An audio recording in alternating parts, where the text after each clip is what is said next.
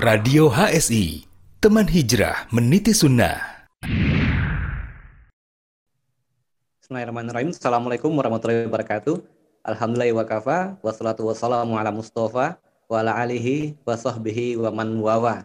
Kembali dari studio HSI Abdullah Roy, kami menemani Anda dalam live program pada malam hari ini, hanya di Radio HSI, teman hijrah meniti sunnah. Bahagia sekali saya Yoga kembali menyapa Anda semua malam ini. Insya Allah kita akan bersama hingga 90 menit ke depan dalam bincang wirausaha yang kita siarkan setiap Senin malam dari pukul 20 hingga 21 lebih 30 menit waktu Indonesia Barat nantinya. Dan dirilai di semua media sosial Radio HSI, baik YouTube, Instagram, Facebook, Twitter. Dan lengkapnya Anda bisa mengakses website www.radiohsi.com. Anda semua juga dapat mendengarkan siaran ini melalui aplikasi web setelah sebelumnya mendownload terlebih dahulu aplikasinya di Play Store untuk Android dengan nama APK Radio HSI. Baik, para sahabat sebelum kita memulai bincang wirausaha malam ini, mari kita sama-sama berdoa kepada Allah Subhanahu wa taala agar mengangkat musibah dan memberikan kemudahan bagi kaum muslimin dan muslimat yang mendapatkan musibah bencana pada saat ini baik di Sumedang, di Sulawesi Barat, Mamuju dan Majene, kemudian kemudian di Gunung Semeru, Gunung Merapi, dan juga tentu saja banjir di Kalimantan Selatan. Dan bagi para sahabat Radio IC di rumah yang ingin berdonasi, silakan banyak sekali saat ini open donasi dari eh, lembaga-lembaga sunnah untuk para kaum muslimin dan muslimat yang tertimpa musibah. Para sahabat, di Bincang Wirausaha malam ini kita memilih judul yang cukup unik, yakni Pak Maaf Kredit Motor Riba ada di sebelah. Kasarnya kalau mau cari yang riba jangan ke sini di sini insya Allah syari, masya Allah. Maraknya praktek ribawi dalam transaksi kredit, khususnya sepeda motor, yang merupakan kebutuhan hampir setiap rumah tangga di Indonesia, membuat sang empunya usaha ini berusaha mencarikan solusi untuk umat Islam agar terhindar dari transaksi ribawi di mana transaksi ribawi sebagaimana kita ketahui merupakan salah satu dosa besar yang membinasakan. Usaha yang dirintisnya terbukti menolong banyak sekali kaum muslimin di Indonesia dan sukses luar biasa. Tentunya memiliki usaha yang sukses pasti sebelumnya telah melalui kegagalan terlebih dahulu. Tetapi setelahnya tentu saja tetap harus bangkit dan mencoba kembali. Berawal dari berdagang gorengan ketika SD dan dilanjutkan dengan mencoba berdagang kecil-kecilan lainnya, kini ia berhasil mempunyai beberapa unit usaha yang bahkan salah satunya sudah membuka 40 cabang di seluruh Indonesia. Malam ini kita kedatangan tamu spesial yakni CEO dari Elang Motor Indonesia, Bang Ade Eka Saputra. Kita akan bercerita panjang lebar tentang jatuh bangunnya beliau merintis usaha yang bermanfaat bagi kaum muslimin untuk lepas dari jeratan riba ini. Baik para sahabat, dan ada yang spesial malam ini para sahabat. Kita menyediakan dua buah bingkisan berupa dua buah buku yang ditulis dan dikarang langsung oleh narasumber kita yang kami persembahkan untuk dua orang pendengar atau penonton terbaik Radio HSI pada malam hari ini dengan syarat bisa menjawab pertanyaan. Apa pertanyaannya? Ikuti siaran kita pada malam hari ini ajak seluruh keluarga, jangan ketinggalan semua segmennya dan kita sapa langsung narasumber kita yang sudah terhubung dengan kita di studio HSI Abdullah Roy. Assalamualaikum warahmatullahi wabarakatuh Bang Ade. Waalaikumsalam warahmatullahi wabarakatuh. Masya Allah. Gimana keadaan kota Pekanbaru Bang Ade? Cerah? Masya Allah. Cerah, tapi tadi menjelang sore udah mulai hujan lagi. Masya Allah. Insya Allah membawa berkah ya Bang Ade ya. Alhamdulillah, Insya Allah. Dan kita juga berdoa para kaum muslimin dan muslimat di Indonesia tetap mengawal dan disiplin terhadap 3M karena kasus COVID-19 di negara kita juga semakin bertambah. Oke, Bang Ade, sebelum Anda lanjut, pengen tahu dulu nih, Elang Motor Indonesia berafiliasikah dengan Elang Properti? Elang Properti itu ada dua, ada Elang Propertinya Elang Gumilang, ada Elang Propertinya saya sendiri. Jadi ah. sebelum kita membuat Elang Motor Indonesia, memang kita sudah mengawali dengan Elang Properti uh, Indonesia namanya. Jadi uh, ini uh, kembar lah ya. Ada Elang Properti Indonesia, ada Elang Motor Indonesia. Betul, karena ketika kita upload ke media dengan poster Elang Motor Indonesia, banyak para sahabat radio IC bertanya, ini yang Elang Properti bukan? Dan ternyata ya para sahabat, yeah. Elang Properti ataupun Elang Motor Indonesia CEO-nya ini juga orangnya, Bang Ade juga orangnya. Baik. Oke, kita mulai dari pembukaan kita tadi Bang Ade tentang jual gorengan. Gimana ceritanya setelah SD Bang Ade bisa jual gorengan di Pekanbaru tuh teman ya? Masya Allah. Alhamdulillah sebenarnya memang di awal itu dilatih kami oleh kebutuhan ya. Jadi Saya juga dari keluarga yang ya boleh dikatakan ya sedang lah ya. Jadi orang tua saya orang seorang guru, guru SD, ibu saya seorang ibu rumah tangga. Ya mau nggak mau memang orang tua punya usaha buat buat kue ya saya diminta untuk bantu jualan gitu. Jadi memang ya ini memang diawali dengan kebutuhan ya. Dan alhamdulillah secara mungkin tidak sengaja ya bagi saya ini merupakan salah satu dari anak tangga yang kemudian saya berusaha yang lainnya juga ya kadang berhasil, kadang gagal. Ya alhamdulillah sekarang uh, bisa jualan sepeda motor seperti itu. ini kontradiktif kalimatnya ketika kita bahas jual gorengan sekarang ternyata jual sepeda motor padahal sebenarnya sudah membuka, membuka 40 cabang. Oke, berarti memang dari orang tua sendiri memang sudah mengajarkan nggak boleh malu, nggak usah malu kalau memang ini usahanya halal, go ya. aja gitu ya Bang Adi ya. Betul. Jadi dulu SD ya kita diajarkan ya. Jadi saya memang kadang jual es juga ya, bawa es antar ke kedai-kedai. Uh, jadi saya di situ sudah mulai merasakan bagaimana sih susahnya mencari uh, rezeki gitu ya orang tua. Tapi memang di situ rasanya sekarang ini ya bermanfaat sekali. Jadi kalau yang paling bermanfaat saya rasakan urat malunya sudah hilang ya. Jadi saya nggak ada rasa malu lagi untuk jualan apa pun asal halal ya kita jual gitu ya. Jadi uh, secara tidak sengaja akhirnya ya bermanfaat. Gitu. Ah, betul.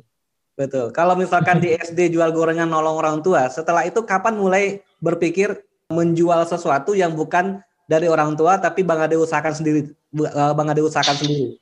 Iya, jadi waktu itu pertama kan memang eh, SD itu kita jualan kue yang dibuat oleh orang tua itu di lingkungan sendiri. Jadi saya tinggal dulu karena kita nggak punya rumah, kita tinggal di komplek guru. Jadi saya disuruh jualannya itu sekitar komplek guru aja. Nah, waktu SMP saya sudah dikasih kepercayaan lagi nih untuk jualan gorengan di pelabuhan. Jadi pelabuhan ini kan orang-orang yang tidak saya kenal gitu. Jadi ini naik levelnya gitu ya. Nah, kemudian SMA saya sudah mulai. Jadi waktu SMA saya juga sudah suka inilah jalan-jalan. Saya kadang-kadang naik gunung ya. Ya kadang-kadang saya bikin frame-frame foto. Dulu kan zaman-zaman itu kita ini ya masih suka itu ya, frame foto terus saya kasih Edelweiss. Uh, ya? Edelweiss. maaf, maaf ya. Umuran kita kayaknya. uh, terus bikin kasih daun-daunan. Jadi frame fotonya saya jual, alhamdulillah laku gitu. Jadi sudah mulai buat karya sendiri itu di sekitar SMA lah ya. SMA sudah mulai lah. Nah, hmm. Rasanya gimana Bang Ade menikmati usaha dari payah usaha sendiri itu? Masya Allah ya. Jadi waktu itu kan karena ya kita juga belum tahu apa-apa ya, belum ngaji juga kan. Jadi ya saya hanya merasakan bahwa apa dengan jerih payah ya, dengan kita berusaha rasanya tuh lebih lebih nikmat gitu ya. Dan saya juga merasakan sebenarnya saya ini seorang marketer gitu. Jadi lambat laun habit menjadi seorang penjual, kemudian ya nggak malu untuk menawarkan ya untuk mencoba sesuatu yang baru itu terus berlanjut ya kadarullah aja sekarang jualan sepeda motor tapi saya mungkin nggak nggak juga akan menisbatkan oh saya inilah terakhir di jualan motor aja mungkin nggak juga walau malam juga tapi artinya betul, betul. ketika sesuatu itu bisa uh, menghasilkan ya mungkin saya akan coba gitu Masya Allah. Oke, okay. mungkin kalau misalkan mental kita sekarang berbeda ya mungkin Bang Ade ya dengan yang dulu. Kalau misalkan sekarang kita seorang entrepreneur, atau wirausaha mandiri itu kita bisa bangga. Kalau dulu malah dibully mungkin ya kalau dari kecil yeah. udah jualan gorengan mungkin dipanggil ade goreng. Iya, betul ya. betul. Seperti itu enggak, Betul, betul. Jadi dulu pernah itu saya SMP, saya itu diejekin sama teman saya. Jadi apalah, jadi karena memang saya pulang sekolah, saya langsung ke pelabuhan gitu ya, jual gorengan gitu. Ya ada sedikit juga waktu itu ya, tapi gimana ya kita butuh ya. Tapi saya merasakan rasanya memang harus ya kalau mau anak kita punya mental ya wirausaha ya. Ajarin deh apa jualan apa kayak gitu. Saya rasakan seperti itu Masya Allah. Dan itu nggak membebani antum sendiri atau mungkin membebani orang tua antum nih? Anaknya ada kecil-kecil udah disuruh jualan dan dibully sama temannya gitu? Iya waktu itu saya karena anak pertama ya anak pertama. Jadi. Memang beban jadi anak pertama itu ya mungkin teman-teman yang anak pertama juga merasakan ya. Eh, kita yang paling besar harus bisa memberi contoh ya kita yang paling duluan gitu kan. Nah tapi mental ini juga kalau saya lihat ke adik-adik saya itu nggak terlalu karena mereka nggak nggak sesulit saya gitu. Uji coba orang tuanya mungkin ya. Jadi ya? Uh, jadi yang jadi wirausaha tulen itu memang cuma saya. Kami bertiga bersaudara. Tapi saya justru salut dan bersyukur kadang kalau ketemu bapak saya kan saya bilang masya Allah alhamdulillah dulu saya diajarin susah gitu jadi, jadi saya berani untuk dulu kan saya pernah kerja juga kan akhirnya saya berani untuk resign juga nah itulah bermanfaat lah sekarang menurut saya. Baik, masya Allah. Kalau boleh tahu Bang Adi kuliah di mana? S1 dulu di akuntansi Universitas Riau. Akuntansi ya. Mm-hmm, Berarti S1. memang jalannya udah ke sana ya. Tapi kalau biasanya ya. kalau sudah akuntansi, cita-citanya masuk bank tuh. Betul. Jadi terwujud ya cita-citanya. Jadi, dulu itu akuntansi itu karena penasaran juga. Jadi waktu uh. itu saya masuk SMEA ya, SMA-nya itu SMEA. Mungkin sekarang nggak ada lagi SMEA, namanya Sekolah Kejuruan. Ya, sekarang ya. Uh, jadi cerita lucunya gini, saya ngantri untuk daftar daftar itu di SMEA itu. Kan ada empat loket tuh. Saya lihat ada satu loket yang kosong. Nah, akhirnya saya lihat ini orang kok pada dan tanda kutip ya, kok pada bodoh semua gitu. Kok nggak ngantri di loket yang kosong gitu? Akhirnya saya di masuk ke loket kosong saya daftar di situ, di situ. Ternyata pada saat keluar pengumuman saya keluar jurusannya itu jurusan koperasi. Ternyata itu loket koperasi. Jadi yang rame itu akuntansi sekretaris sama perdagangan. Koperasi nggak ada yang daftar. Akhirnya saya penasaran uh, saya tengok eh, orang akuntansi ini kayak pintar-pintar gitu. Akhirnya saya coba belajar. Nah kan kita di kelas 1 itu uh, belajar semuanya gitu ya masih umum ya. Betul. Nah uh, guru akuntansinya itu malah bilang, Ade kayaknya kamu ini cocoknya di akuntansi. Kamu mungkin saya ranking satu juga waktu itu. Jadi dibilang coba kamu usulkan pindah ke kepala sekolah ke akuntansi. Saya minta pindah ke ke akuntansi. Kepala sekolahnya bilang kamu nggak akan pernah bisa uh, di akuntansi ini sulit. Jadi saya merasa ini ya dicambuk gitu. Saya harus bisa buktikan nanti. Mungkin saya sekarang SMA nggak bisa akuntansi, kuliah saya daftar akuntansi. Sehingga waktu saya UMPTN saya pilihan pertama akuntansi pilihan keduanya akuntansi saking pengennya. Masya Allah, Masya Allah. akhirnya masuk di akuntansi gitu. Masya Allah, Masya Allah. Jadi mentalnya harus memang ini ya Bang Ade ya mental harus mental baja. Semakin dibully atau semakin direndahkan harus semakin bangkit ya. Ya kayaknya kalau bagi saya itu berguna kayaknya. Oke, ketika Bang Ade berkuliah di akuntansi ini memang hmm kalau zaman-zaman kita dulu ya, kerjaan berdasi itu ya mesti pegawai bank. Betul. Kalau udah pegawai negeri ya dianggap kerjaan agak di bawah stratanya dikit lah ya. Di bawah Betul. strata lagi cuma seorang guru. Kalau boleh dikatakan pegawai bank adalah impian mertua pada saat itu. Ya. betul, betul sekali. Masya Allah, betul. betul sekali. Kalau nggak ya kalau nggak pakai seragam banget ya kalau nggak pakai dasi ya. Ya, betul, betul, betul, betul. Memang semuanya uh, semuanya mengarah ke sana. Termasuk Bang Ade sendiri juga ternyata berhasil masuk ke bank. Ya, jadi saya belum terima ijazah. Waktu itu kan kita sudah ada surat pernyataan lulus tuh. Saya mendaftar. Alhamdulillah saya diterima di uh, Bank Negara Indonesia. Jadi saya terima, langsung training, langsung ditempatkan di daerah agak jauh lah gitu dari kota gitu kan. Akhirnya saya teruskan di bank. Nah, ya, tapi saya sudah ini juga waktu itu dalam hati saya suatu saat saya harus keluar nih karena uh, inginnya saya itu memang kayaknya ini gitu pengen jadi wirausaha. Tapi kadarullah di bank itu kita ada promosi kan di apa naik karir lagi. Akhirnya cukup lama juga itu saya di bank itu di sekit konvensional ya sekitar 8 tahun 8 tahun. Kemudian uh, saya mulai-mulai tahu tentang riba. Akhirnya saya resign resign dari bank konvensional. Tapi ada tawaran juga di bank syariah. Saya pengen coba gitu kan. Akhirnya sempat juga saya di Bank Syariah sekitar dua tahun. Ya total 10 tahun lah di bank. Ya, ternyata nggak betah juga walaupun karirnya naik, ya paham lah jadinya. Tapi pada saat itu eh, Bang Ade belum ini ya mungkin ya, belum mungkin juga saat-saat itu riba riba ya. ini belum begitu belum. apa ya belum begitu booming ya expect belum belum masif belum ya ya jadi saya resign itu uh, waktu dari konvensional ya itu aneh bagi teman-teman. Artinya ini kan pekerjaan impian gitu ya. Uh, mertua saya juga kayaknya memang setuju saya di bank orang tua saya apalagi. Bahkan bos saya waktu itu bilang gini dia uh, baru tiga bulan masuk di kantor saya terus dia bilang gini saya ngajukan permohonan pengunduran diri. Dia bilang deh gue salah apa sih yang malu kok lu berhenti? Gitu. Masya Allah. Tapi ya sudah kita udah tahu ya. Mohon maaf Pak, saya bukan benci sama Bapak, tapi saya benci tempat ini saya berarti Bang Ade ketika keluar itu memang niatnya hanya benar-benar ingin berwirausaha betul ya? Saya ingin keluar dari riba dulu. Jadi waktu itu Oh, Masya Allah, saya, sudah tahu ya? Uh, oh, jadi gini, uniknya, jadi saya itu di 8 tahun di konvensional itu, tahun terakhir itu saya sangat-sangat buntu. Jadi rasa-rasanya sudah bosan. Jadi waktu itu saya posisi saya analis, analis kredit. Mm-hmm. Beberapa teman saya kena kasus gitu. Saya lihat di kantor. Saya waktu itu masih baru-baru juga di posisi itu.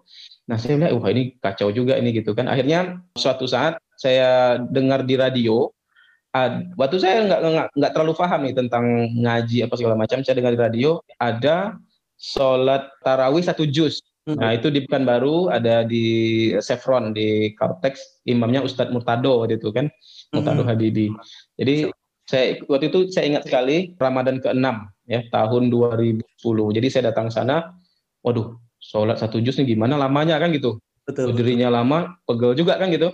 Nah begitu pulang rasanya rindu. Wih suara ustadznya bagus gitu kan rasanya aduh. Akhirnya dari hari ke 6, 7, 8 sampai ke hampir 20 itu saya di sana terus sholatnya satu juz terus kan. Nah so. di sela-sela itu ada informasi bahwa di uh, ini eh, uh, 10 hari terakhir itu ada namanya itikaf saya nggak tahu lagi buat Bang Ade itu ya. Iya, apa itu itikaf gitu. Jadi katanya tidur di masjid.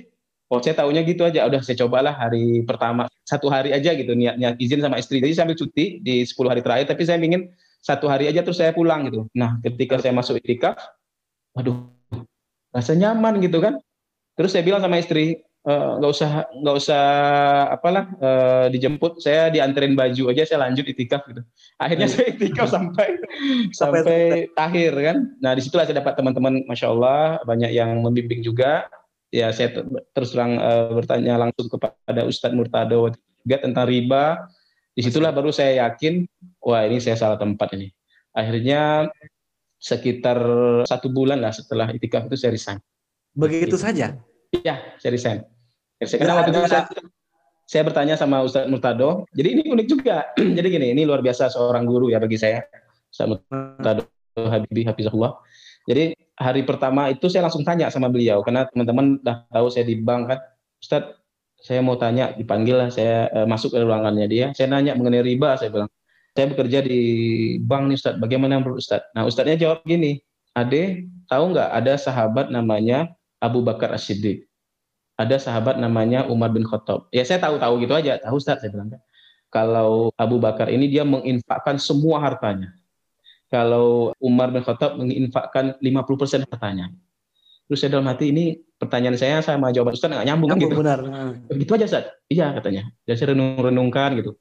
Nah di pertengahan itikaf saya minta ketemu lagi Ustaz. Gimana jadinya ini Ustaz? Saya bekerja di bank riba ini. Terus saya bilang gini. Coba ade belajar untuk istiqomah gitu. Saya bingung lagi istiqomah itu apa ya sebenarnya? saya nggak tahu ya. Saya tanya sama teman-teman, masa lu nggak tahu sih istiqomah? Jelasin lagi gitu kan. Nah, ternyata di, diajarin pelan-pelan gitu. Terus pas hari ter, hampir terakhir lah, sembilan lah mungkin, itu saya yang dipanggil sama Ustaz Murtadonya. Deh, masuk ke ruangan saya gitu. Nah, saya masuk ke ruangannya, terus dia jelasin sepanjang lebar mengenai riba itu memang begini, begini, begini. Terus dia contohkan juga Uh, terus dia kasih hadis. Ini yang sangat menginspirasi saya hadis riwayat Tabrani kalau nggak salah saya ya. Barang siapa meninggalkan sesuatu karena Allah saya Allah akan memberikan gantinya dengan yang lebih baik daripada yang ia tinggalkan. Masya Allah ini menghunjam betul di hati saya. Akhirnya saya yakin ya sudah Allah nggak akan sia-siakan saya. Akhirnya saya mengajukan resign. Dan alhamdulillah rasa-rasanya ya Allah gantikanlah semua. Masya Allah, Masya Allah. Nah, Baik, Bang Ade kita akan lanjut cerita setelah Bang Ade resign nantinya dari Bank. Namun ya. sebelumnya kita saksikan jeda iklan berikut ini dulu. Pendaftaran narasumber radio HSI. Alhamdulillah, seiring dengan berjalannya beberapa program di radio HSI, kami mengajak kepada para ikhwah untuk berkesempatan menjadi narasumber di radio HSI. Antum memiliki cerita menarik, pengalaman unik, kisah inspiratif, sharing kesehatan atau tibun nabawi, sampai tips dan trik lainnya. Profesi, pengusaha atau pedagang, teknik, IT, sipil, kedokteran, perawat atau bidan, ustadz, petani, guru, pegawai, freelance, dan lainnya. Nah, silahkan disalurkan melalui radio HSI. Eits, pastikan juga sumber cerita harus sahih dan tidak fiktif ya.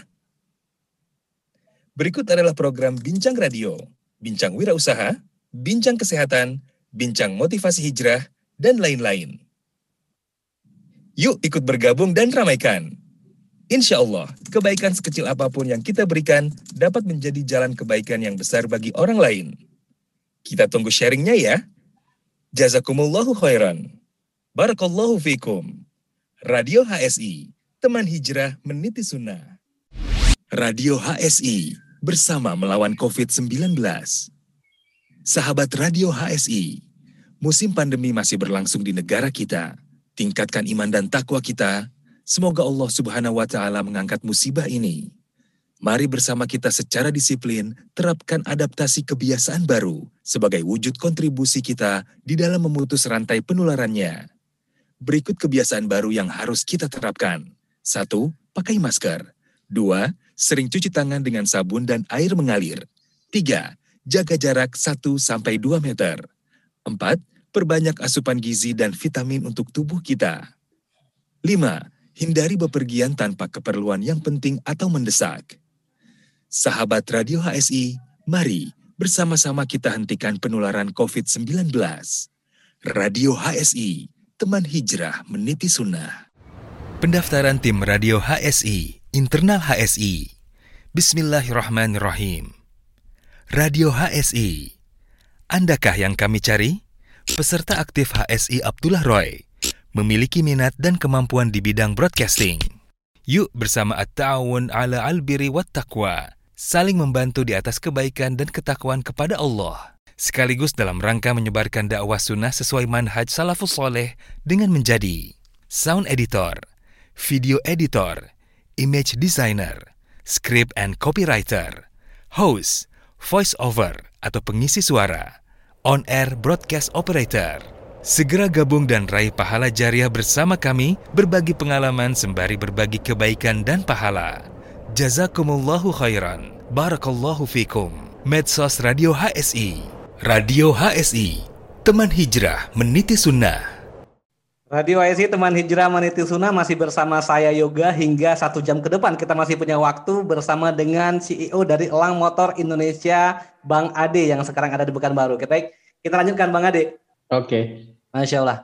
Ana sambung sedikit tadi ketika antum setelah selesai iktikaf satu bulan setelah itu langsung keluar dari pekerjaan ribanya. Nah hampir rata-rata semua orang yang keluar dari bank ini Bang Ade, mereka itu yeah. masih banyak mikir ya kalau ada utang lah atau gimana cara mencukupi kebutuhan lah. Kalau antum nggak ada ya langsung begitu aja tahu hukumnya take off langsung begitu aja ya. Nggak nggak pakai harus mikir gimana ke depannya. Atau gimana? Uh, ya pastinya memang yang pertama meyakinkan diri sendiri dulu itu yang paling berat. Karena kita juga kepala rumah tangga punya anak istri kemudian juga kita harus diskusi dengan istri dengan keluarga orang tua.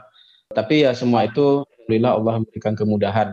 Jadi sebenarnya tidak mudah juga ya. Tidak mudah juga Uh, tapi memang yang paling penting itu keyakinan dan tekad bulat. Jadi ketika kita udah yakin dan saya alhamdulillah dapat ya boleh dikatakan mentor ya. Jadi Ustadz Murtado waktu itu bagi saya sebagai mentor bagi saya. Beliau sampaikan ya yang berjanji akan menggantikan dengan yang lebih baik ini kan Allah. Nah, Allah Subhanahu wa taala tidak akan pernah berbohong kan gitu. Dan janji Allah itu uh, ganti di dunia dan di akhirat. Nah, yang paling utama adalah ganti di akhirat. Di dunia itu ya berapalah nilai dunia. Jadi alhamdulillah memang ketika kita hijrah juga memang butuh pembimbing kalau bagi saya ya. Jadi ketika kita dapat bimbingan yang tepat, kemudian kita mengkomunikasikan ini juga dengan baik pada keluarga, ya insya Allah ketika didukung prosesnya tentu ya macam-macam ya, macam-macam. Jadi bagi saya bantuan dari pihak-pihak lain juga penting gitu Mas Yoga. Masya Allah. Baik, kita bicara Elang Motor Indonesia yang mungkin usaha kedua yang Bang Ade dirikan setelah Elang Properti ya Bang Ade kalau tidak salah tadi ya. Ya, betul. Ya, itu konsepnya gimana Bang Ade sampai bisa memikirkan sebuah oke, okay, kalau tadi Bang Ade bilang Bang Ade adalah, adalah analis kredit, berarti ya. ilmu-ilmunya udah ada di Bang Ade gitu. Ya. Tetapi ya. memberanikan diri, memberanikan diri ini dalam tanda kutip loh. Kalau yang namanya tukang kredit kan biasanya identik dengan riba atau Bang Ade. Betul, betul. Identik dengan riba. Konsepnya gimana bisa bisa membuat usaha seperti ini nggak nggak lagi diidentikan dengan riba. Apa tuh Bang Ade? Ya, prosesnya juga cukup panjang ya. Jadi ketika saya hijrah, alhamdulillah kita di Pekanbaru ada komunitas yang uh, bagus juga. Saya gabung di salah satu masjid namanya Masjid Raudatul Jannah Islamic Center Pekanbaru. Di situ kita banyaklah teman-teman yang, yang baik ya, soleh insya Allah. Nah, alhamdulillah waktu itu kita sering ngundang Ustaz Erwandi. Jadi Ustaz Erwandi kan orang Pekanbaru ya. Jadi uh, alhamdulillah tidak diundang pun beliau ke Pekanbaru karena orang tuanya di Pekanbaru gitu kan.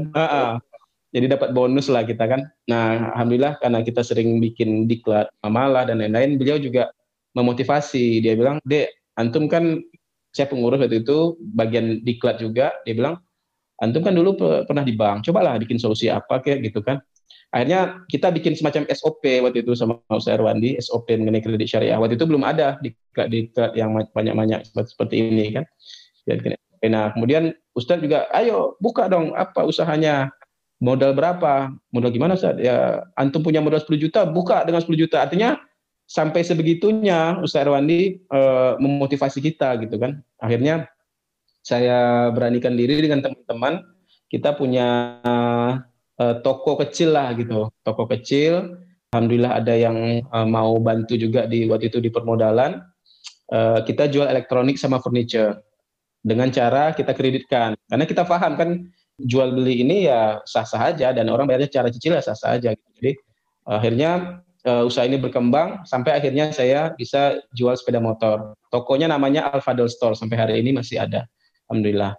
Nah, di situ saya melihat ternyata memang konsep ini harus dikembang luaskan karena kaum muslimin banyak sekali yang terjebak di riba. Saya berpikir begini, Mas Yoga, kalau apa sepeda motor ini kan boleh dikatakan sembakonya transportasi ya. Betul. Jadi set, hampir setiap rumah itu ada motor, bahkan lebih dari satu, kadang dua, kadang tiga. Nah, kalau dengan riba semarak ini mungkin hampir setiap rumah itu kesimpulannya ada ribanya gitu, kecuali rumah-rumah orang beriman gitu. Nah, Betul. ini luar biasa nih gitu kan. Jadi akhirnya ya saya cobalah eh, mengembangkan konsep ini di Jakarta. Pertama ya alhamdulillah bisa meluas dengan izin Allah. Semuanya dengan izin Allah. Baik, masya Allah. Oke, Bang Ade kita tahan sebentar. Ada penanya yang datang melalui line interaktif kita. Bismillah Bang Ade, sebenarnya ini klise ya. Tapi ya. pernyataan kalau nggak kredit itu kita nggak bisa punya ini dan itu. Nah ini benar nih. Kalau ya. nggak kredit mau beli, gimana cara beli motor, gimana cara beli rumah dan sebagainya macamnya. Sedangkan keumumannya kredit itu identik dengan riba. Gimana ya, ya. menurut ya. Bang Ade cara paling pas untuk menyadarkan teman-teman dan saudara-saudara kita yang masih belum memahami konsep riba yang benar? Barakallahu fikum dari Jaka di Makassar. Apa ya, ya, ya, terima kasih Mas Jaka. Jadi memang betul ya, sebenarnya berhutang ini kan nggak baik sebenarnya. Jadi saya juga menyadari ini, bahkan saya pernah konsultasi dengan beberapa ustadz. Saya saya khawatir juga gitu, karena ketika saya resign waktu itu saya nggak mau lagi balik ke industri keuangan sebenarnya. Cuman ustadznya bilang gini, antum jangan GRD gitu, karena kalau antum nggak bantu atau nggak bikin solusi, nanti Allah akan siapkan orang lain yang bikin solusi betul, gitu ya. Betul betul betul. betul. Jadi betul. Iya, bahkan karena dia bilang gini, uh, justru sekarang kaum muslimin butuh solusi karena memang berhutang itu uh, sebenarnya tidak dianjurkan, tetapi ketika itu ada hajat dan dia yakin bisa membayarnya itu dibolehkan karena memang Islam tidak secara mutlak mengharamkan hutang. Nah, itu yang pertama. Nah, kemudian saya sengaja buat nama perusahaannya Elang Motor Indonesia. Enggak ada enggak ada enggak ada nama-nama syar'inya gitu ya. Elang ah. Motor. Kenapa nggak namanya amanah apa gitu? Saya ingin ingin challenge saja. Kenapa? Bagi saya, saya karena saya pernah dulu di Bank Syariah dan saya resign ya. Jadi pesan dari Ustadz Ustadz kita bahwa syariah itu tidak sekedar uh, simbol, tidak sekedar logo, tidak sekedar nama. Kalau namanya Thompson tapi dia berbuat dengan halal-halal lah transaksinya gitu. Betul. Kalau namanya apa amanah tapi kalau orangnya berbuat riba ya dosa juga gitu. Jadi ya udah yang kita sampaikan sekarang ini konsepnya jual beli. Jual beli itu boleh. Saya beli motor dari dealer 20 juta, saya jual ke Mas Yoga 25 juta kan boleh. Nah, dan Mas Yoga saya kasih kebaikan lagi apa? Mas Yoga boleh cicil. Nah, semudah itu saja memang ya, karena di dalam Al-Qur'an salah satu ini bukan ustadz ya, tapi saya sampaikan betul, aja. Betul, betul, salah satu uh, cara untuk mengantisipasi atau memerangi riba ini adalah jual beli. Allah Subhanahu wa taala menyebutkan dalam Al-Baqarah 75, wa ahallallahu al-bai'a wa harrama riba. Allah menghalalkan jual beli dan mengharamkan riba. Ini, ini ada penjelasan dari Ustaz Erwandi, salah satu videonya saya lihat. Bahkan beliau juga sering sampai kalau di diklat. Ini satu dalil yang mengatakan bahwa uh, jual beli kredit itu dibolehkan. Kenapa? Riba itu terjadi umumnya kan karena adanya transaksi hutang piutang, betul kan? Betul betul. Nah, artinya kalau dia hutang piutang kan pembayarannya kan tertunda. Artinya jual beli yang dijadikan solusi di sini adalah jual beli secara uh, kredit atau jual beli secara cicilan karena supaya bisa memerangi riba tersebut. Kalau jual belinya tunai, ya artinya nggak sinkron dia. Nah ini salah satu pandangan beliau yang mengatakan bahwa bolehnya jual beli secara uh, cicil. Ya contoh seperti ini. Nah ini saya contohin nggak apa-apa ya? Oh nggak apa-apa, tepat bang Ade. Contoh gini, saya nih. Nah saya lihat karena mungkin saya udah lama kenal Mas Yoga, saya video call, Mas Yoga ini ada baju di sini harganya 100 ribu. Nah, saya nanti mau beli ini, saya jual sama Mas Yoga, harganya saya jual nanti 200 ribu daripada Mas Yoga. Mas Yoga di mana domisili sekarang? Saya Jakarta. Eh, itu Jakarta salah dong berarti. berarti dari Pekanbaru deh. Ya, saya dari Pekanbaru lah. Jadi saya ah, lihat ah. video call uh, bajunya bagus. Nanti saya ke Jakarta saya jual sama Mas Yoga. Artinya nah. saya penawaran kan. Kalau Mas Yoga nggak jadi ambil nggak apa-apa. Nah, Betul. Ketika sampai Jakarta, saya sampaikan ini bajunya udah saya beli, ini saya jual sama Mas Yoga dua ribu. Itu saya baik nggak tuh sama Mas Yoga? Betul, betul. Baik kan daripada Mas Yoga naik pesawat ke baru bolak balik kan? Dibeliin ya? saya jual, saya ya, jual. Betul Mas Yoga, tapi Bang Ade beliin duluan ya maksudnya. Ya? Betul, ya? nah, betul. Nah ini kan saya kasus pertama ini saya udah dikatakan baik. Kenapa? Karena daripada Mas Yoga naik pesawat bolak balik untuk beli baju itu aja kan, mending saya jual 200 ribu, Mas Yoga udah dapat bajunya kan gitu. Betul. Nah, saat kasus keduanya saya bilang sama Mas Yoga, Mas Yoga ini bajunya 200 ribu, Mas Yoga bayarnya nggak perlu bayar tunai, bayarnya lima kali. Nih kasusnya ini, yang kedua ini mana lebih baik daripada yang pertama? Lebih baik yang kedua sebenarnya. Nah, artinya yang kedua ini kan pembayaran secara dicicil. Inilah namanya jual beli kredit. Nah, dalam secara secara nalar pun kita memahami ini dibolehkan. Makanya artinya begini, kita membuat usaha ini pertama ya wallahu alam mudah-mudahan Allah luruskan niat kita. Kita ingin membantu kaum muslimin supaya bisa mendapatkan kendaraan secara halal. Artinya transaksinya jual beli saja. Karena jual beli ini hampir semua orang paham. Anak kecil saja yang sudah mumayyiz, mungkin SD kelas 1 udah tahu dia jual beli. Dia beli ke toko, permen dia kasih uang kan gitu. Artinya si penjual pasti ngambil keuntungan. Nah, ini konsep yang Allah Subhanahu wa taala sendiri yang menyebutkannya di dalam Al-Qur'an bahwa Allah menghalalkan jual beli. Nah, ini mungkin pendapat saya ya, tapi Allah alam silakan mungkin teman-teman punya pendapat masing-masing. Masya Allah. Oke, Bang Ade, ada dua pertanyaan yang sangat menggelitik nih. Pertama, ya. kenapa berani mengambil sesuatu yang bisa saja orang lari dari itu, Bang Ade? Ya. Oke, kalau namanya elang pro elang motor Indonesia mungkin berbeda sekali dengan kelaziman bank-bank yang ada atau mungkin kreditur-kreditur yang ada, lembaga-lembaga kredit riba yang ada yang menyaratkan adanya sesuatu untuk menjadi agunan. Nah, sementara elang motor Indonesia tidak seperti itu ya? Ya, jadi gini, ketika kita bertransaksi, sebenarnya kan yang paling pertama itu yang paling penting adalah kepercayaan. Ya, jadi konsumen atau calon konsumen yang ingin membeli sesuatu dengan kita itu pasti melalui proses seleksi. Artinya di sini tentu ada risiko dan kita meyakini dalam agama kita juga begitu. Kita boleh mengambil keuntungan itu karena adanya risiko. Nah, jadi adanya potensi kerugian, eh, dalam tanda kutip motornya hilang, motornya orangnya lari, itu adalah bagian dari risiko. Dan alhamdulillah ya karena saya juga belajar dulunya, mungkin ada sedikit manfaatnya ya. Jadi saya paham kredit itu kita bikin pencadangan. Ya saya apa, apa belajar belajar akuntansi juga kan. Jadi bagaimana caranya agar uh, modal kita itu tetap aman, kita cadangkan uh, sekian persen supaya bisa mengantisipasi kerugian. Nah, kemudian masalah jaminan sebenarnya objek tersebut adalah jaminan ya.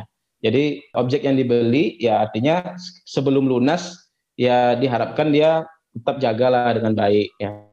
Tapi motornya silakan dia pakai, dia bawa untuk usaha, dia bawa untuk eh, aktivitas kesehariannya seperti itu. Jadi objek tersebut adalah yang menjadi jaminannya. Mungkin begitu. Nah, yang kedua, kalau kita andaikan pengandaian Bang Ade tadi tentang membeli baju, ada beberapa orang yang mengatakan bahwasannya oke okay, dibeliin, diantarin ke Jakarta misalnya, tetapi tetap saja harganya lebih mahal sementara lembaga ribawi menawarkan sesuatu yang di harga di harga awal tuh lebih murah gitu. Nah ini ya, ngebantah ya. atau ngeblokirnya itu gimana Bang? Padahal. Ya, jadi sebenarnya masalah harga itu dalam syariat kan tidak masalah artinya uh, ini artinya bisnis saja. Kami tetap berusaha membuat harga yang terbaik bagi konsumen supaya mereka uh, juga tidak membanding-bandingkan dengan leasing atau lembaga-lembaga uh, riba ya. Nah, tapi memang perlu teman-teman pahami juga, kadang-kadang memang berat juga ya kita bersaing dengan leasing. Kalau leasing itu mereka biasanya kan udah besar ya, jadi mereka beli beli motor itu mungkin langsung ke pabrik 1000 unit. Kalau kita beli satu unit ke dealer, artinya dari pabrik ke dealer aja udah udah banyak tuh jalurnya kan gitu. Nah, artinya pasti harga beli kita ke dealer itu lebih mahal. Dan apalagi kalau dia beli banyak, mungkin dia dapat diskon dari pabrik. Nah, ini mungkin tantangan kita ya. Tetapi alhamdulillah kita mencoba membuat harga yang bersaing ya mungkin tipis-tipis aja lah dengan apa? dengan leasing supaya kaum muslimin juga bisa lebih nyaman. Jadi mungkin seperti itu Mas Yoga. Dan itu bisa mengatakan bahwasannya eh, mungkin saja ya, mungkin saja Bang Ade jika usaha seperti Elang Motor Indonesia ini lebih banyak ada eh, dan tumbuh menjamur, marginnya mungkin bisa lebih turun ya, seperti itu. Uh, Ya mungkin begini ya. Ini kan kalau dalam ilmu ekonomi itu kan ada ada namanya skala ekonomi ya. Size is matter kan. Jadi ketika size-nya makin besar, mungkin kita bisa membuat manajemen yang lebih baik terhadap pembelian ya, terhadap biaya-biaya kita bisa kita efisienkan. Mungkin itu bisa berpengaruh ya. Jadi eh, ketika mungkin lebih banyak kaum muslimin yang bisa membantu atau juga ingin berturut serta seperti ini ya Artinya akan terjadi mekanisme pasar. Nah, mekanisme pasar. Tapi memang di bisnis ini tidak mudah karena sebelumnya saya juga memperhatikan ada beberapa ikhwan yang mencoba eh, kebanyakan kelemahannya itu dari sisi analisa. Karena mungkin niat kita ingin membantu kaum muslimin tapi kadang-kadang kita kurang cermat melihat kemampuan orang ini ya. Karena di dalam uh, memberikan hutang atau kredit ini kita juga harus lihat nih kira-kira dia mampu nggak membayar hutangnya. Nah, jangan sampai dia memaksakan diri sehingga nanti terjadi gagal bayar. Nah, maka kita juga membuat eh, sistem sedemikian rupa, artinya tidak semua orang yang mengajukan akan diterima. Maka kita harus melakukan analisis yang ya cukup inilah, cukup tajam gitu. Menarik. Ini sebenarnya hampir sama dengan konsep mungkin di bank-bank yang menerapkan riba ya. Bedanya hanya saja mereka kalau sebesar-besarnya riba mereka terima. Nah, kalau di elang motor sendiri, ya betul gitu. Sebesar-besarnya riba mereka terima. Asalkan ya konsekuensinya ketika nggak ada lagi ya jaminan atau agunan mereka yeah. mereka lelang ya. Yeah. Nah, di elang motor sendiri kalau dibandingkan dengan bank-bank riba atau lembaga-lembaga riba yang konvensional seperti itu, menerapkannya lebih ketat daripada yang diterapkan oleh lembaga riba itu? Ya, kalau kita memang sengaja agak ketat. Jadi Uh, contoh aja ya, contoh kalau di leasing itu boleh dikatakan ada yang nggak pakai DP, nggak pakai DP bisa bawa motor bawa motornya pulang kan gitu. Tinggal betul, bulan betul. depan dia nggak bisa bayar dia pulangin motornya. Iya, udah pinjam satu bulan. Iya, kayak nyewa jadi benar. nah di kita nggak. Jadi saya membuat konsep uh, eh, DP-nya harus agak lebih tinggi. Saya buat DP-nya itu 20%. Artinya apa? Orang itu betul-betul mampu secara finansial untuk beli motor baru kita kasih. Ini untuk menyaring juga supaya tidak sembarangan juga kita memberikan ini. Nah, kemudian juga jangka waktu kita juga nggak terlalu panjang. Kita buat dua tahun atau tiga tahun. Kalau di leasing kan bisa sampai lima tahun. Artinya Betul. orang itu punya spare gaji yang cukup untuk bisa membayar angsurannya gitu. Jadi memang kita punya beberapa saringan lah. Dan kedua juga, eh, ketiga juga saya mengutamakan ini juga ke komunitas ya. Jadi alhamdulillah ikhwan-ikhwan kita juga yang lebih banyak kita bantu. Bahkan kita lihat kalau orangnya salah satu pertanyaannya mungkin ketika dia dia ini sering ke pengajian nggak gitu ya mungkin waktu pan, sebelum pandemi kan kalau dia sering ke pengajian mungkin ini dapat poin juga lah agak tinggi gitu. Insya Allah. Oke, dengan kata lain Bang Ade ya, kalau kasarnya yang bisa kredit hanya yang mampu kredit gitu. Betul, betul, betul. Yang bisa kredit adalah orang yang bisa membuktikan kemampuan uh, bayarnya. Jadi kan kita syarat untuk bisa berutang itu ada dua. Yang pertama ada hajat atau ada kebutuhan. Betul. Yang kedua yakin bisa membayar. Betul. Maka kalau saya berikan kepada orang yang tidak bisa membayar, saya zolim Betul. Kenapa? Dia akan tersiksa, dia akan tidurnya nggak nyenyak kan gitu. Kemudian juga kebutuhan anak istrinya yang lain dia paksakan sehingga anak istrinya susah. Nah, maka saya jadi zalim. Maka kita uh, memang membuat saringan-saringan itu. Juga. Yang halu-halu pengen punya rumah besar, pengen punya motor bagus, tetapi kemampuan tidak ada, ya sudah belakangan dulu ya, sampai mampu baru bisa kredit di Elang Motor Indonesia. Ya, artinya memang si calon konsumen itu harus punya penilaian dulu. Artinya dia tidak uh, memaksakan diri untuk memiliki barang. Karena dalam agama kita kan seperti itu, harus kona'ah juga ya. Jadi ketika dia punya kemampuan, artinya boleh boleh dia membeli mungkin uh, memang kebutuhannya dia butuh motor yang lebih besar atau motor yang uh, lebih gesit ya supaya mungkin di perjalanan juga ini atau sekarang dia sudah punya motor dia pengen beliin motor untuk istrinya ketika dia mampu itu itu boleh karena itu ada hajat dan dia mampu untuk membayarnya nah itu juga nanti kita akan buktikan dengan bukti-bukti penghasilannya jadi seperti ada slip gaji atau ada rekening koran nah seperti itu Mas Yoga. Nah, jadi kesimpulan jika memang tidak berhajat dan lebih memilih untuk menabung ya silakan tabung dulu ya. Oh ya, betul. Lebih baik seperti itu. Jadi kalau memang misalnya uh, hajatnya nggak terlalu penting ya lebih baik beli cash. Ya karena lebih beli cash tentu lebih lebih murah ya. Karena kalau di kita ya itu kita mengambil keuntungan. Kalau dibeli cash ya silakan ke dealer aja. Kita nggak layani yang cash. Masya Allah. Nah ini para sahabat radio ESI. Di sini bedanya. Di sini bedanya bahwasanya Elang Motor Indonesia tidak mencari banyak-banyaknya konsumen. Banyak-banyaknya konsumennya tidak. Mereka hanya mencari orang yang benar-benar ingin dibantu, berhajat dan mampu tentunya Bang Ade ya. Insya Allah. Insya Allah baik. Kita akan bahas lebih lanjut tentang Elang Motor Indonesia Bang Ade. Pertanyaan-pertanyaan yang masuk ke ruang redaksi juga juga sudah sangat banyak karena sepertinya juga banyak konsumennya Elang Motor Indonesia atau Elang Properti juga banyak yang menyaksikan pada malam hari ini. Namun kita akan saksikan jeda iklan berikut ini dulu. Ya, betul pendaftaran narasumber radio HSI. Alhamdulillah, seiring dengan berjalannya beberapa program di radio HSI, kami mengajak kepada para ikhwah untuk berkesempatan menjadi narasumber di radio HSI. Antum memiliki cerita menarik, pengalaman unik, kisah inspiratif, sharing kesehatan atau tibun nabawi, sampai tips dan trik lainnya. Profesi, pengusaha atau pedagang, teknik, IT, sipil, kedokteran, perawat atau bidan, ustadz, petani, guru, pegawai, freelance, dan lainnya. Nah, silahkan disalurkan melalui radio HSI. Eits, pastikan juga sumber cerita harus sahih dan tidak fiktif ya.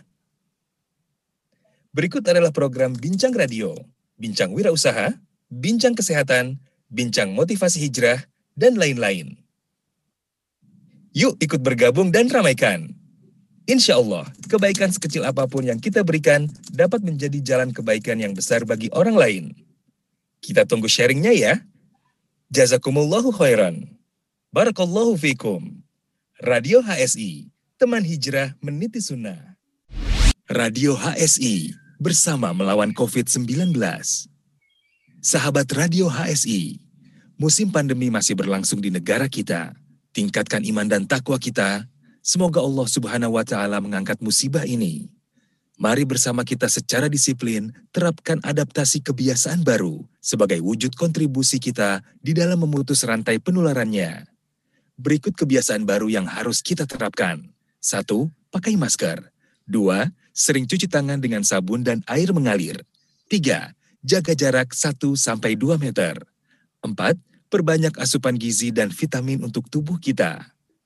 Lima, hindari bepergian tanpa keperluan yang penting atau mendesak.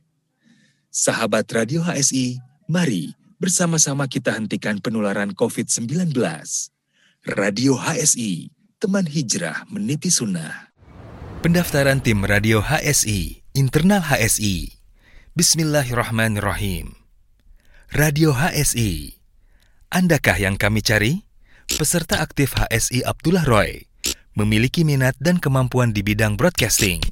Yuk bersama At-Ta'awun ala al-Biri wat Taqwa, saling membantu di atas kebaikan dan ketakwaan kepada Allah, sekaligus dalam rangka menyebarkan dakwah sunnah sesuai manhaj salafus soleh dengan menjadi sound editor, video editor, image designer, script and copywriter, host, voice over atau pengisi suara, on-air broadcast operator, Segera gabung dan raih pahala jariah bersama kami, berbagi pengalaman sembari berbagi kebaikan dan pahala.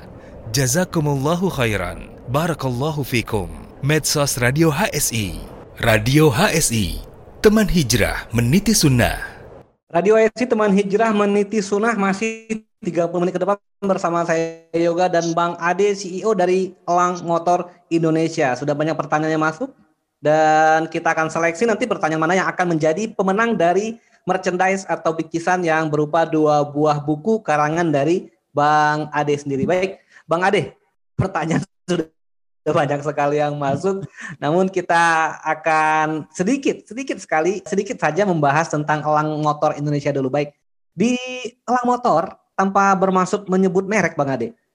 Tidak semua merek dari kendaraan bermotor roda dua yang diperjualbelikan atau yang dikerjasamakan dengan di elang motor Indonesia. Ini ada sebabnya hmm, hmm. atau kenapa Bang Ade? Apa Ya, memang kita hanya jual merek jadi memang e, dua merek ini yang bagi kita ini dalam tanda kutip paling bagus nilai jual kembali. Kemudian juga kaum muslimin kayaknya lebih favorit ke sini. Nah ini juga sebenarnya untuk melindungi kaum muslimin juga. Jadi kalau terjadi apa-apa, motornya masih bagus lah nilainya gitu ya. Karena kadang-kadang dalam tanda kutip ada merek-merek lain, mungkin juga bagi kita tidak teruji lah gitu. Jadi memang ya udah kita putuskan aja mereknya hanya di dua merek tertentu ini saja gitu. Baik, kalau misalkan di dua merek tertentu, tapi pengennya merek tertentu itu dengan motor yang high end Bang Adi. Misalkan sekarang sekarang kan banyak itu. Ya. Di atasnya motor seribu umat ada lagi motor yang mungkin ya. 7 juta dikeluarkan oleh dua ya. merek yang tadi motor Bang motor sport lah gitu ya. Ya, itu boleh. Boleh, boleh. Kalau dia mampu dan memang itu layak, ya kenapa tidak? Memang kebutuhannya itu ya mungkin memang dia untuk perjalanan jauh dan lain-lain. Ya saatnya juga ya, karena dia mampu juga. Jadi sah saja orang punya kebutuhan seperti itu, tidak ada masalah. masalah. Hmm. Bergaya juga hajat mungkin ya Bang Ade ya kalau uh, walau alam kadang-kadang ada juga sih yang dia beli untuk untuk uh, dihadiahkan kepada anaknya ya seperti itu ya bentuk cinta sayang orang, orang tua kepada anak ya dan dia mampu untuk itu ya kadang-kadang mungkin dia pekerjaannya dia seorang pilot mungkin beli beli mobil yang lebih mahal, lebih mewah, lebih e, bisa gitu. Tapi dia berikan motor ke anaknya. Jadi artinya kita ber, berbaik sangka juga, berbaik sangka juga kepada orang yang akan bertransaksi. Uh-uh.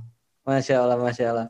Oke, kita akan lanjut nanti pertanyaan tentang elang motor. Sebelumnya kita bacakan dulu banyak sekali pertanyaan yang sudah masuk. Pertama dari 08964903 sekian-sekian melalui line interaktif. Bismillah, Assalamualaikum warahmatullahi wabarakatuh. Afwan izin bertanya bagaimana cara memberikan nasihat kepada orang tua yang masih memiliki hutang di bank dan cara memberikan nasihat jika riba itu haram. Mungkin sesuai pengalaman Bang Ade, Bang Ade, gimana caranya memahamkan kepada keluarga ya. terdekat bahwasanya ini haram loh. Bang Ade ya. meninggalkan pekerjaan begitu saja dan memilih berhenti terutama. Apa dulu Bang Ade? Ya, pertama mungkin uh, kalau memberikan nasihat kepada orang tua mungkin nggak tepat ya. Kita menasihati orang tua nggak tepat. Mungkin kita menyampaikan informasi atau menyampaikan sesuatu yang bersumber dari agama lah gitu. Diskusi lah mungkin sifatnya sama orang tua. Jadi intinya sebenarnya begini, kadang-kadang saya juga membuktikan dulu ya ketika pertama-tama ngaji itu kadang kita terlalu keras pada orang tua ya. Saya membuktikan dengan kelembutan lah sebenarnya yang bisa mendekatkan kita dan cenderung orang tua itu akan lebih menerima. Artinya ya kita menunjukkan uh, dengan akhlak. Ya. Ini masya Allah ini sebenarnya jauh sekali dari saya. Cuman ini saya menyampaikan apa yang disampaikan oleh ustaz-ustaz kita bahwa dengan kita menyampaikan dengan lemah lembut, kita juga berdiskusi dengan rasa sayang gitu ya. Jadi kita menyampaikan bahwa riba ini perlu dijauhi mama, papa, papa. Ini karena saya sayang sama orang sama papa dan mama. Kenapa? Karena saya nggak mau orang tua nanti susah masuk eh, ancamannya kan neraka gitu kan. Kemudian ini sama dengan dosa zina. Kadang-kadang orang juga nggak tahu alasannya kenapa riba itu dilarang ya. Jadi ya, mungkin kita bisa sampaikan seperti itu dan mungkin juga bisa kita sampaikan dengan eh, buku-buku, cuplikan kajian dan semua kita ikhlaskan aja pada Allah Subhanahu wa taala karena hidayah itu kan milik Allah. Jadi artinya tidak juga kita kenapa saya nggak bisa ya menasihati orang tua saya ya dengan segala macam cara. Ya mungkin kita kurang doanya. Mungkin ada juga cara kita tidak tepat. Jadi ya kita serahkan aja semua keputusannya kepada Allah Subhanahu Wa Taala. Intinya kita menasihati pun atau bukan menasihati ya kita berdiskusi kepada orang tua pun sebagai bentuk kasih sayang. Dan kita berharap pahala dari Allah Subhanahu Wa Taala. Mungkin itu menurut saya ya. Baik, terima kasih Bang Ade. Sebelum kita ke pertanyaan selanjutnya, ini ada yang menarik di berandanya website Elang Motor Indonesia, Bang Ade. Ya. Ada Seven Summit. ini nggak jauh-jauh dari Mapala biasanya. Nah ini kenapa ada Seven Summit di berandanya Elang Motor Indonesia dan kenapa ya. dan apa hubungnya dengan hubungannya dengan Bang Ade sendiri, Pak? Ya, alhamdulillah. Jadi ketika saya membuat perusahaan sendiri ini, saya ingin agak apa ya, ya agak seru lah gitu. Jadi saya membuat beberapa pilar nih di dalam ada lima pilar nih mungkin saya sampaikan lima pilar di elang ini. Yang pertama adalah tauhid ya tauhid. Ya. Yang kedua adalah muamalah. Yang ketiga adalah uh, sosial. Yang keempat adalah kreativitas. Yang kelima adalah adventure. Jadi kita ingin juga uh, jadi sering kita ajak teman-teman ini refreshing ke alam. Jadi kalau saya pribadi melihat ini banyak manfaatnya. Karena ketika kita kembali ke alam, kita bisa melihatlah memang ciptaan Allah yang luar biasa gitu kan. Nah, saya mempunyai target memang secara pribadi elang ini nanti ada di eh, bisa sampai di tujuh puncak tertinggi di Indonesia. Alhamdulillah kita sudah sampai di tiga puncak tertinggi. Ya, jadi ini bagian dari visi perusahaan. visi perusahaan yang agak berbeda karena saya juga seorang pendaki gunung juga, ya. Karena karena karena dengan mengendaki gunung ini mungkin saya sampaikan teman-teman kan orang juga lihat ngapain sih lu deh daki-daki gunung? gitu kan. Manfaatnya banyak teman-teman ya. Pertama mendaki gunung ini menguji kesabaran ya. Orang nggak bisa langsung sampai puncak kan. Yang kedua kita memupuk semangat terus menerus pantang menyerah gitu ya. Kemudian kita percaya kepada teman kepada sahabat kita yang kita kita nggak pernah bisa mendaki sendiri kan nah kemudian ketika kita sampai di puncak kita nggak bisa lama-lama di puncak. Kita harus ingat kita pasti turun maka kita juga nggak boleh sombong karena puncak itu dipergilirkan. Ada orang lain juga yang akan naik gitu. Jadi Eh, filosofi ketika naik gunung bagi saya sangat membantu bagi saya untuk bisa membangun image perusahaan, membangun budaya kerja perusahaan. Jadi ini lebih kepada uh, strategi juga bagi saya untuk membangun teamwork, membangun perusahaan secara lebih umumnya, gitu Mas Uja. Masya Allah, Masya Allah. Oke, okay. kalau dikatakan sudah memiliki 40 cabang di Indonesia, Anda nggak tanya 40 cabangnya, Anda tanya daerah mana yang belum ada cabangnya, Bang Ade? hampir semua kota besar di Jawa dan di Sumatera sudah.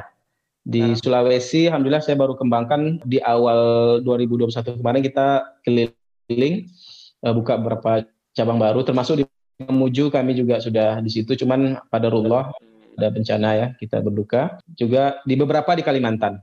Nah, di Bali sudah ada, di Nusa Tenggara ada. Yang belum ada sama sekali Papua. belum ada. Tapi ya semua bukan karena kemampuan kami, semua memang karena Allah saja. Allah yang mudah segala segala ini ya. Ya bismillah lah. Alhamdulillah. Masya Allah. Baik Bang Ade, kita jeda dulu sebentar. Ada penelpon yang masuk. Halo, Assalamualaikum. Assalamualaikum. Waalaikumsalam. Radio ASI? Teman Hijrah Meniti Sunnah. Masya Allah. Dari siapa di mana? Tafadhol sih? Abu Hisam di Makassar.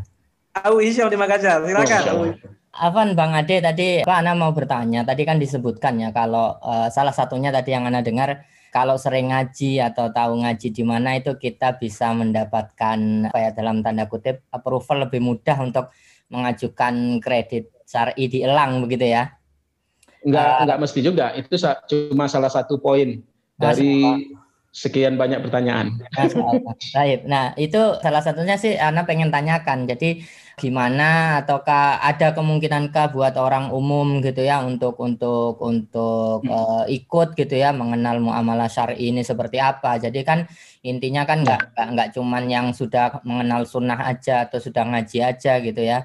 Ya kurang lebih seperti itu sih uh, karena Ana lihat ya. juga lang Masya Allah ya sudah sudah dalam sedikit banyak atau banyak justru ya itu sudah mengenalkan uh, cara-caranya ya nggak nggak cuma dengan teori tapi dengan prakteknya mungkin seperti itu mungkin pertanyaan Anda. Jazakallah ya. Baik, terima kasih. Aku Abu Isyam di Makassar. Tafadhol Bang silakan. Ya, uh, terima kasih Abu Isyam. Jadi memang uh, betul artinya pertanyaan kita sudah ngaji atau ngaji di mana itu hanya salah satu dari pertanyaan pertanyaan yang ada yang paling penting itu memang dari sisi kemampuannya, kemampuan bayarnya, karakternya itu juga kita nilai. Dan ngaji di sini itu ngaji di mana aja, kita nggak mengkhususkan uh, harus di ustadz ini, ustadz tertentu nggak. Artinya dia ngaji di tempat-tempat lain segala macam itu umum juga boleh nggak ada masalah. Artinya yang kita cari di sini adalah orang-orang yang cenderung pada Islam. Artinya apa? Dia ingin mengetahui agama lebih dalam. Dia bahkan dia ngaji di ustadz kampung pun gitu ya itu bagi kita sudah sesuatu yang luar biasa. Artinya ya mudah-mudahan Indonesia ini kan kita manhaj sunnah wal jamaah semua itu eh, termasuk dalam kategori ini. Jadi kita tidak mengkhususkan harus oh, dalam kelompok atau apa tertentu enggak. Jadi ngaji di sini lebih umum ya, lebih umum. Mungkin begitu uh, Abu Syam penjelasannya. Masya Allah. Nah. Oke, Bang Ade, beberapa pertanyaan sudah antri untuk dijawab. Mohon jawabannya mungkin secara singkat, global ya. dan jelas. Pertama dari Mas Nurudin di melalui Facebook. Assalamualaikum warahmatullahi wabarakatuh. Waalaikumsalam warahmatullahi wabarakatuh. Apa yang membeda, membedakan sistem pembiayaan kredit sepeda, sepeda motor di Elang Motor Indonesia dengan pembiayaan kredit sepeda motor lain? Barakallahu fikum. Apa Bang Ade? Ya, artinya konsep kita jual beli syariah. Artinya jual beli yang kita pertama tidak ada riba di sini, ya tidak ada riba. Yang kedua tidak ada denda. Kalau terlambat satu hari, dua hari, bahkan 20 tahun itu juga nggak bakalan ada tambahan-tambahan. Nah kemudian ketiga kita nggak ada asuransi di sini karena kita ngikut fatwa dari Ustadz kita Ustadz Erwandi Tarmizi asuransi mungkin masih banyak goror ya bahkan ada ribanya juga kita nggak pakai asuransi. Nah yang paling penting juga motor ini kita beli kita miliki dulu baru kita jual. Kadang-kadang ada konsep pembiayaan, barangnya belum dia miliki, dia sudah bertransaksi. Nah, Betul. Nah, kita beli dulu dari dealer, ketika kita jual kepada konsumen, konsumennya batal, bisa, nggak ada masalah. Karena kita sudah uh, beli dari dealer. Nah, tinggal cara kita gimana cara nih menjual kepada pihak lain lagi.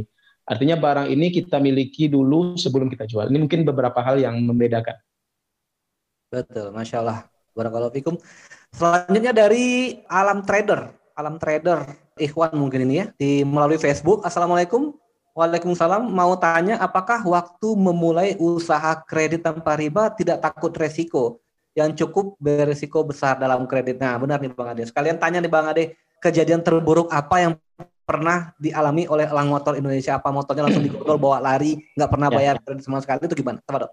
Ya, resiko tentu pasti ada ya. Makanya saya juga bersyukur mengalami anak tangga. Jadi mau berbisnis itu kan perlu anak tangga dari jualan goreng, jualan di pelabuhan, jualan apa tadi, frame foto, jualan VCD dulu ya, kemudian buka kedai, buka warnet, ya itu semua resiko lah.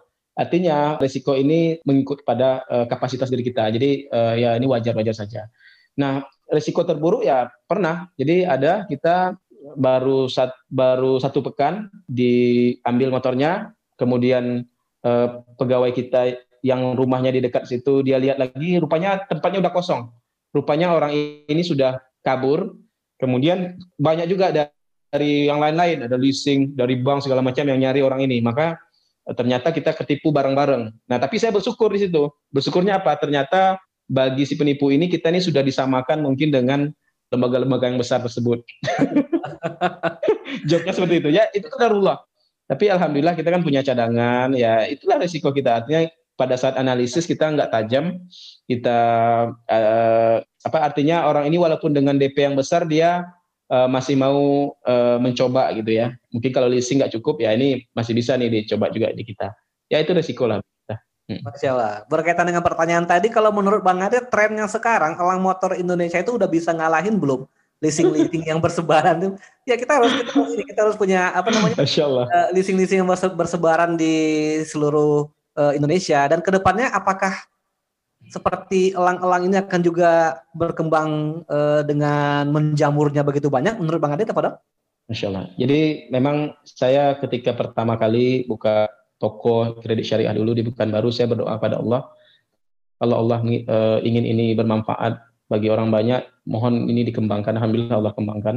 Masya Allah. Uh, mudah-mudahan bisa lebih luas lagi. Dan saya juga, kita ini nggak ada apa-apa sebenarnya yang kita butuhkan itu ya pertolongan apa. Kemudian saya juga berharap sinergi sebenarnya. Kalau mungkin ada teman-teman yang bisa membantu, punya jaringan segala macam. Karena memang kita punya batasan, Mas Yoga. Artinya dari sisi permodalan, ya, dari sisi teknologi SDM, kita berusaha do the best aja. Saya juga bilang dengan tim saya, kita ngalir aja, ya, kita nggak memaksakan diri sampai di mana, sampai di mana, karena kita berharap mudah-mudahan, mudah-mudahan ini sebagai pionir bisa dicontoh orang lain, ya, kemudian juga ya amal jariah lah bagi kita membantu kaum muslimin. Dan saya sangat-sangat butuh bantuan dari kaum muslimin. Dan minimal apa? Doakan ini agar bisa terus bermanfaat. Mungkin itu. Masya Allah. Baik. Bang Ade, kita kembali ke pertanyaan yang masuk di ruang redaksi kita dari Mas Herman Putra melalui YouTube. Pertanyaannya Bang Ade, bagaimana cara, cara ketika di awal-awal karir Bang Ade bisa meyakinkan investor atau pemodal mau memberikan modalnya untuk membuka usaha berbasis syariah, apalagi di bidang perkreditan syari ya. Mungkin ya. Uh, terkait resiko tadi. Apa dong Bang Ya, memang ya alhamdulillah. Jadi dengan saya beberapa latar belakang ya. Jadi saya dulu pernah kuliah di akuntansi, pernah di uh, manajemen ya. Alhamdulillah sekarang ngambil ilmu ekonomi Islam juga. Jadi uh, ini juga mungkin mempengaruhi. Jadi pertama ya memang ketika kita ingin bekerja sama, kita ingin uh, mengajak orang lain, yang pertama kita sodorkan adalah apa sih manfaat yang bisa dia dapatkan di sini. Artinya kami juga menyampaikan di sini kami tidak serta merta uh, hanya bisnis ya, tapi di sini kita ingin memberikan solusi bagi uh, kaum muslimin. Dan tentu dalam hal ini kita juga harus profesional, kita harus menyajikan data yang tepat ya. Kemudian juga ya artinya ini amanah tentu harus kita jaga ya ya semuanya ini berproses ya. Semuanya berproses. Kita juga nggak tahu ya kenapa ada juga banyak pihak juga yang membantu kita. Ya ini semua dukungan uh, dari kaum muslimin berkat ya Bismillah juga ya, karena Allah Subhanahu Wa Taala yang mengizinkannya. Jadi yang penting kami berusaha yang terbaik. Ya mudah-mudahan ini bisa terus uh, berjalan insya Allah baik. Masya Allah. Pertanyaan selanjutnya Bang Ade. Melalui line interaktif kita Bismillah Mas Ade Hafizahullah, bagaimana cara antum mengatasi calon konsumen yang tidak jadi mengajukan pembelian setelah ya. antum melakukan jual beli dengan supplier? Apakah dengan menekankan hak kiar pada supplier atau ada metode lainnya? Dari ya. freelance marketing freelance marketing properti. Ya. Karena banyak banget ada yang nanya ini, Mas. Mungkin ya. Oke, beliau juga peserta ILC di NIP ARN 182 Apa Bang Ade? Ya, memang kita kembangkan juga konsep freelance marketing. Jadi teman-teman seluruh Indonesia bisa merekomendasikan dan ada dapat uh, fee-nya di sini. Jadi kita juga memberikan benefit lain lah kepada kawan-kawan yang ingin membantu. Nah, uh, pernah kejadian beberapa kali malah. Jadi kita udah beli barangnya, eh konsumennya nggak jadi. Ya alasannya macam-macam. Alasan uh, istrinya sakit lah, inilah gitu ya. Nah, eh, ada kasus unik ya, ini saya ceritakan. Jadi ketika nggak jadi itu di Jakarta, kita, aduh ini gimana ya udah kita coba jual lah, gitu kan? Kita jual, jual kepada pihak lain. Ya, tapi motornya ini eh, karena kita di Jakarta ini nggak ada gudang, kita titip di dealer. Kita alhamdulillah dealer karena kerjasama lama, mereka mau dititip. Nah, eh, dua pekan kita jual ke pihak lain nggak ada yang beli. Sampai kita bikin iklan nggak ada yang beli.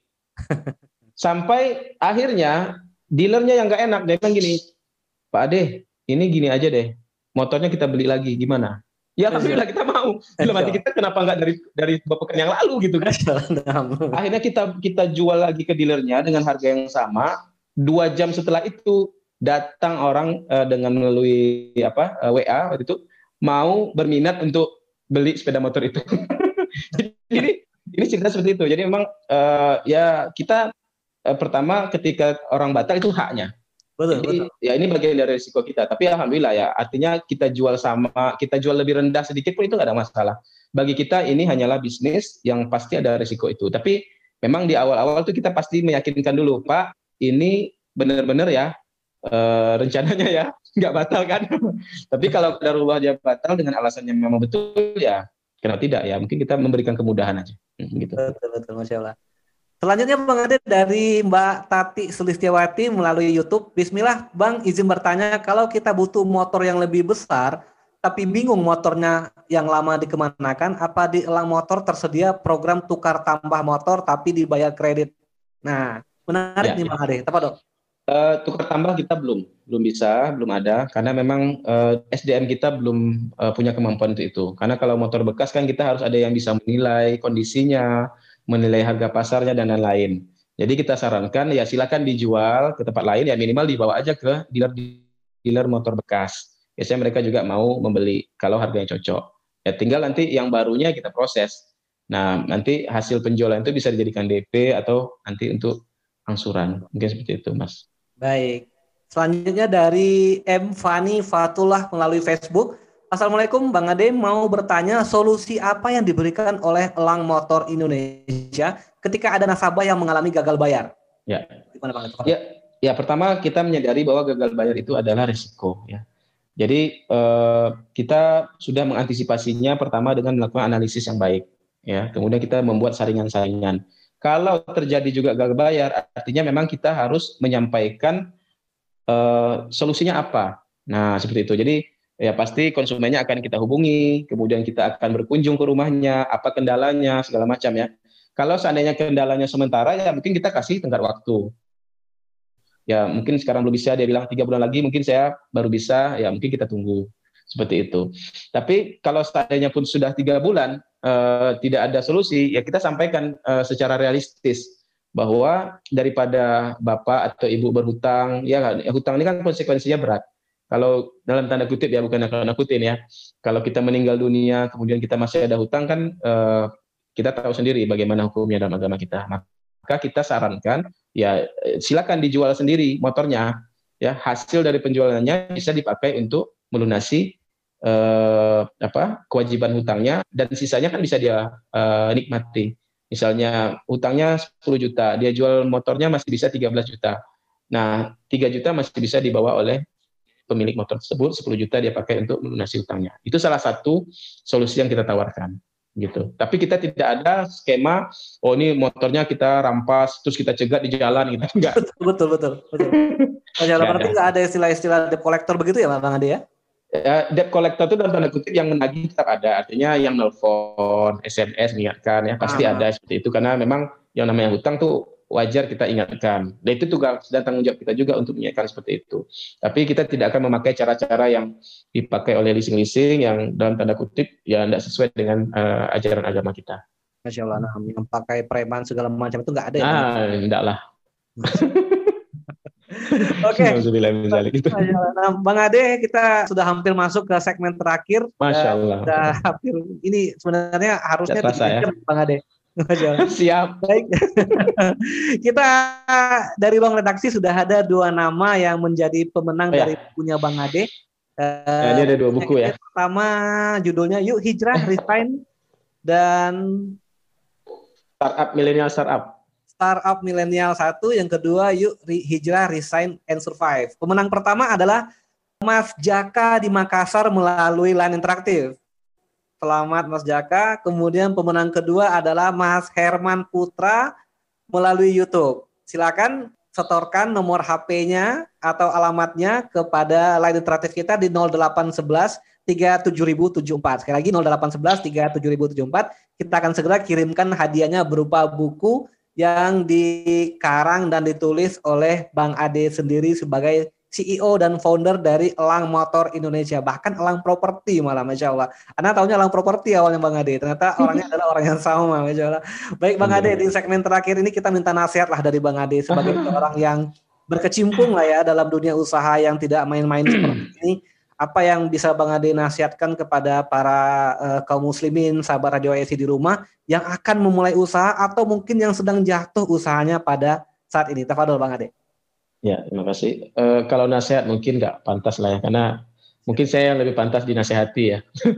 Jadi cuman berbagi saja. Uh, mungkin teman-teman ada yang masih ragu dalam hijrahnya ya, uh, atau yang sudah hijrah juga uh, masih ditimpa kesulitan ya Artinya uh, Allah tidak akan menyanyiakan kita karena kita punya Rob Allah Subhanahu wa taala Rob kita yang maha perkasa, maha kaya ya. Allah akan memberikan gantinya dan janji ganti itu di akhirat itu sebenarnya.